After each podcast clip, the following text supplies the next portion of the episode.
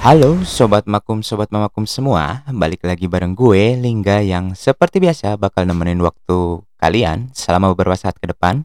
Cuma di Salam Makum, Salam Mahasiswa Hukum Indonesia.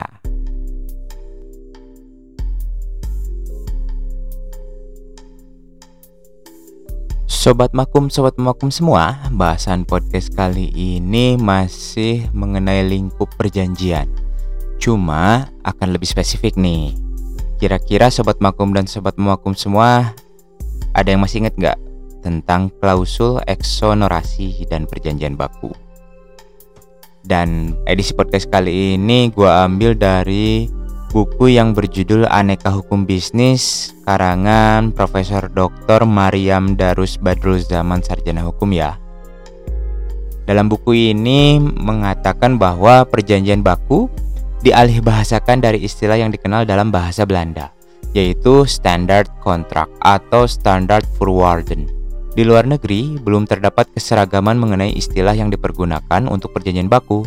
Kepustakaan Jerman mempergunakan istilah Allgemein Bedingungen, Standard Vertrag, Standard Konditionen.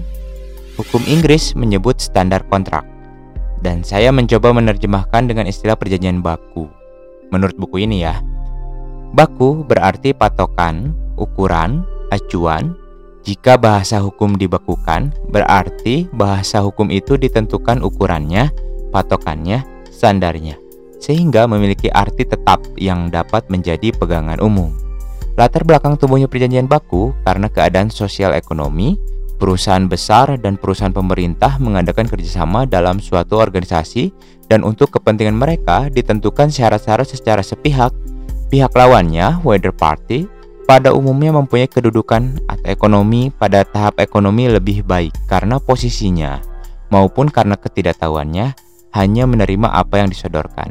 Dengan penggunaan perjanjian baku ini, maka pengusaha akan memperoleh efisiensi dalam pengeluaran biaya, tenaga, dan waktu.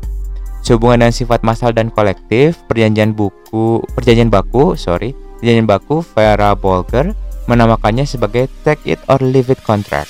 Jika debitur menyetujui salah satu syarat-syarat, maka debitur mungkin hanya bersikap menerima atau tidak menerimanya sama sekali. Kemungkinan untuk mengadakan perubahan itu sama sekali tidak ada. Beberapa ahli mencoba memberikan definisi mengenai klausul eksenorasi dan perjanjian baku. Riken mengatakan dalam klausul eksenorasi adalah klausul yang dicantumkan di dalam suatu perjanjian dengan mana satu pihak menghindarkan diri untuk memenuhi kewajibannya dengan membayar ganti rugi, ganti rugi seluruhnya atau terbatas yang terjadi karena ingkar janji atau perbuatan melawan hukum. Klausul eksenorasi atau eksensi ini dapat terjadi atas kehendak satu pihak yang dituangkan dalam perjanjian secara individual atau secara massal. Yang bersifat massal ini telah dipersiapkan terlebih dahulu dan diperbanyak dalam bentuk formulir yang dinamakan perjanjian baku. Hondius merumuskan perjanjian baku sebagai berikut. Perjanjian baku adalah konsep perjanjian tertulis yang disusun tanpa membicarakan isinya dan lazimnya dituangkan ke dalam sejumlah perjanjian tidak terbatas yang sifatnya tertentu.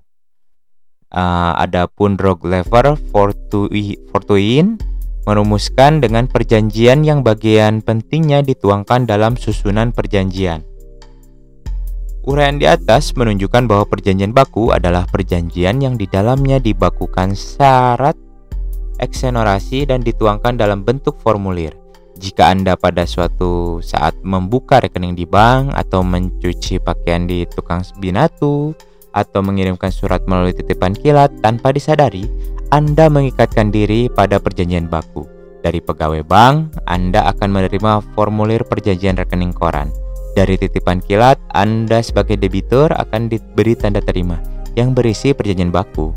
Formulir itu bermacam-macam bentuknya. Ada yang panjang yang terdiri dari beberapa lembar folio, ada yang hanya terdiri dari satu lembar folio, dan ada pula yang lebih kecil daripada itu. Hurufnya dicetak kecil yang kadang-kadang diperlukan kacamata untuk membacanya. Nah, kira-kira sobat makum dan mamakum semua udah bisa uh, membayangkan atau mengimajinasikan mengenai uh, klausul ekselerasi ini kan? Biasanya sih kalau yang gua tahu itu banyak di perjanjian-perjanjian kredit ataupun perjanjian-perjanjian. Kalau kita lihat nih ada di beberapa daerah di Jakarta, Bandung, Surabaya mungkin yang yang terima gadai atau terima apa biasanya itu mereka langsung sudah menentukan jenis perjanjian dan isi perjanjiannya. Nah, klausul eksenorasi atau perjanjian baku dapat dibedakan dalam tiga jenis, yaitu satu, perjanjian baku atau sepihak adalah perjanjian yang isinya ditentukan oleh pihak yang kuat kedudukannya di dalam perjanjian itu. Pihak yang kuat di sini ialah pihak kreditor yang lazimnya mempunyai posisi ekonomi kuat dibanding pihak debitor. Kedua pihak lazimnya terikat dalam organisasi misalnya pada perjanjian buruh kolektif.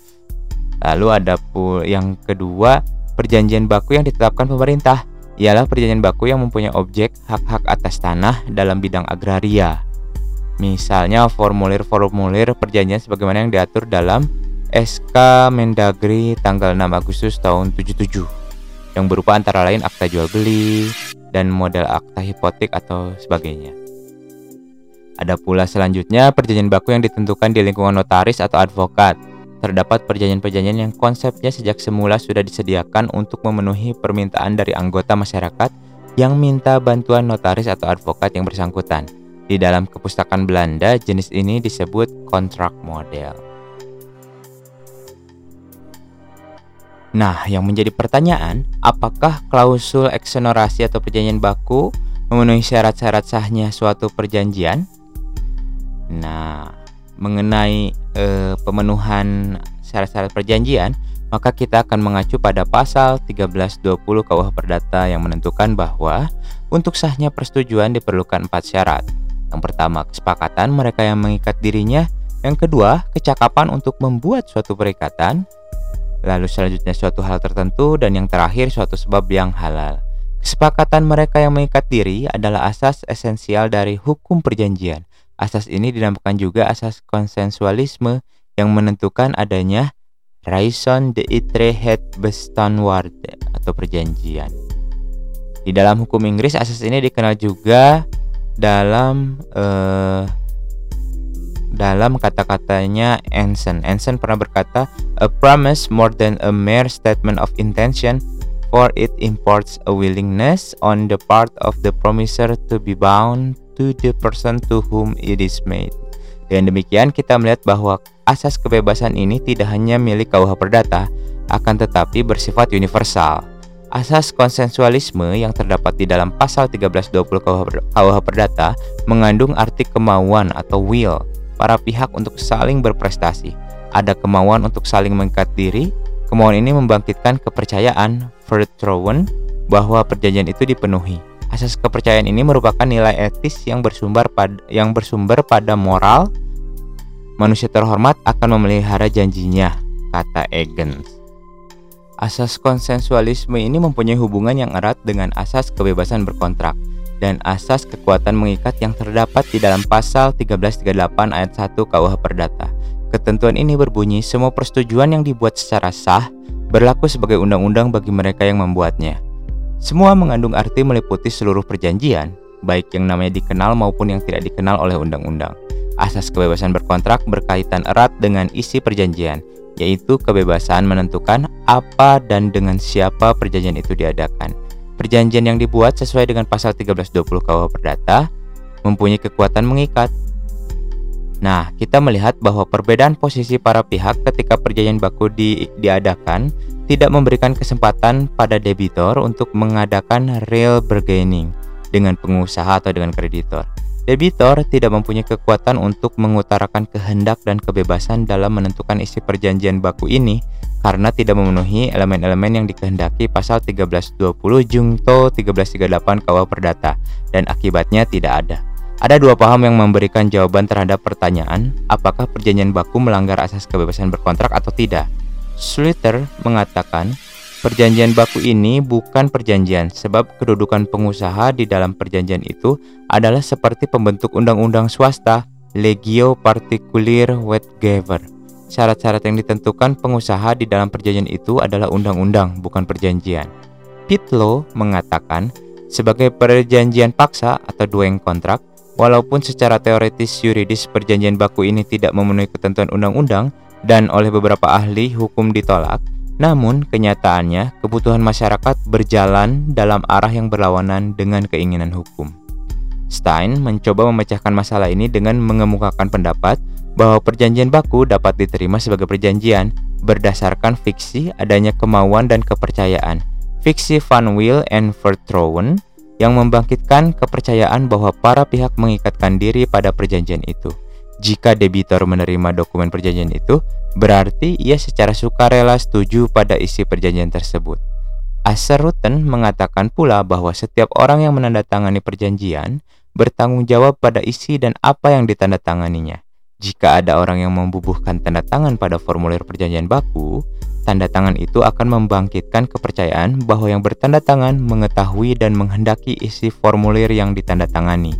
Tidak mungkin seorang menandatangani apa yang tidak diketahui isinya. Dan terakhir, Hondius di dalam disertasinya mempertahankan bahwa perjanjian baku mempunyai kekuatan mengikat berdasarkan kebiasaan atau gebruk yang berlaku di lingkungan masyarakat dan lalu lintas perdagangan. Dan terakhir, kesimpulan, klausul eksenorasi atau perjanjian baku bertentangan dengan dengan asas kebebasan berkontrak yang bertanggung jawab terlebih lagi jika ditinjau dari asas-asas dalam sistem hukum nasional di mana akhirnya kepentingan masyarakatlah yang didahulukan. Di dalam perjanjian baku, kedudukan kreditor dan debitor tidak seimbang Posisi monopoli pihak kreditor membuka peluang luas baginya untuk menyalahgunakan kedudukannya.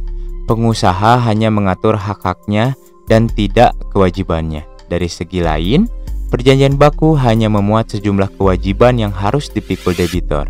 Perjanjian baku ini tidak boleh dibiarkan tumbuh secara liar dan karena itu perlu ditertibkan. Nah, itu dia sobat makum dan makum semua kesimpulan dari eh, bahasan klausul eksenorasi dari buku Aneka Hukum Bisnis karangan Profesor Dr. Mariam Darus Badrul Zaman Sarjana Hukum. Kira-kira bahasan apa lagi ya yang bisa atau eh, memadai buat kita bahas di edisi podcast berikutnya? Tungguin aja ya. Oke, sobat makum dan sobat makum semua, itu dia bahasan podcast edisi kali ini uh, mudah-mudahan edisi kali ini bisa bermanfaat dan bisa menambah uh, pengetahuan sobat makum yang belum mengetahui mengenai klausul eksenorasi dan juga membantu untuk mengingatkan sobat makum yang sudah mengetahui dan sudah memahami apa itu klausul eksenorasi. Ya akhir kata, gue Lingga harus pamit sampai jumpa di edisi berikutnya. Cuma di Salamakum, salam mahasiswa hukum Indonesia.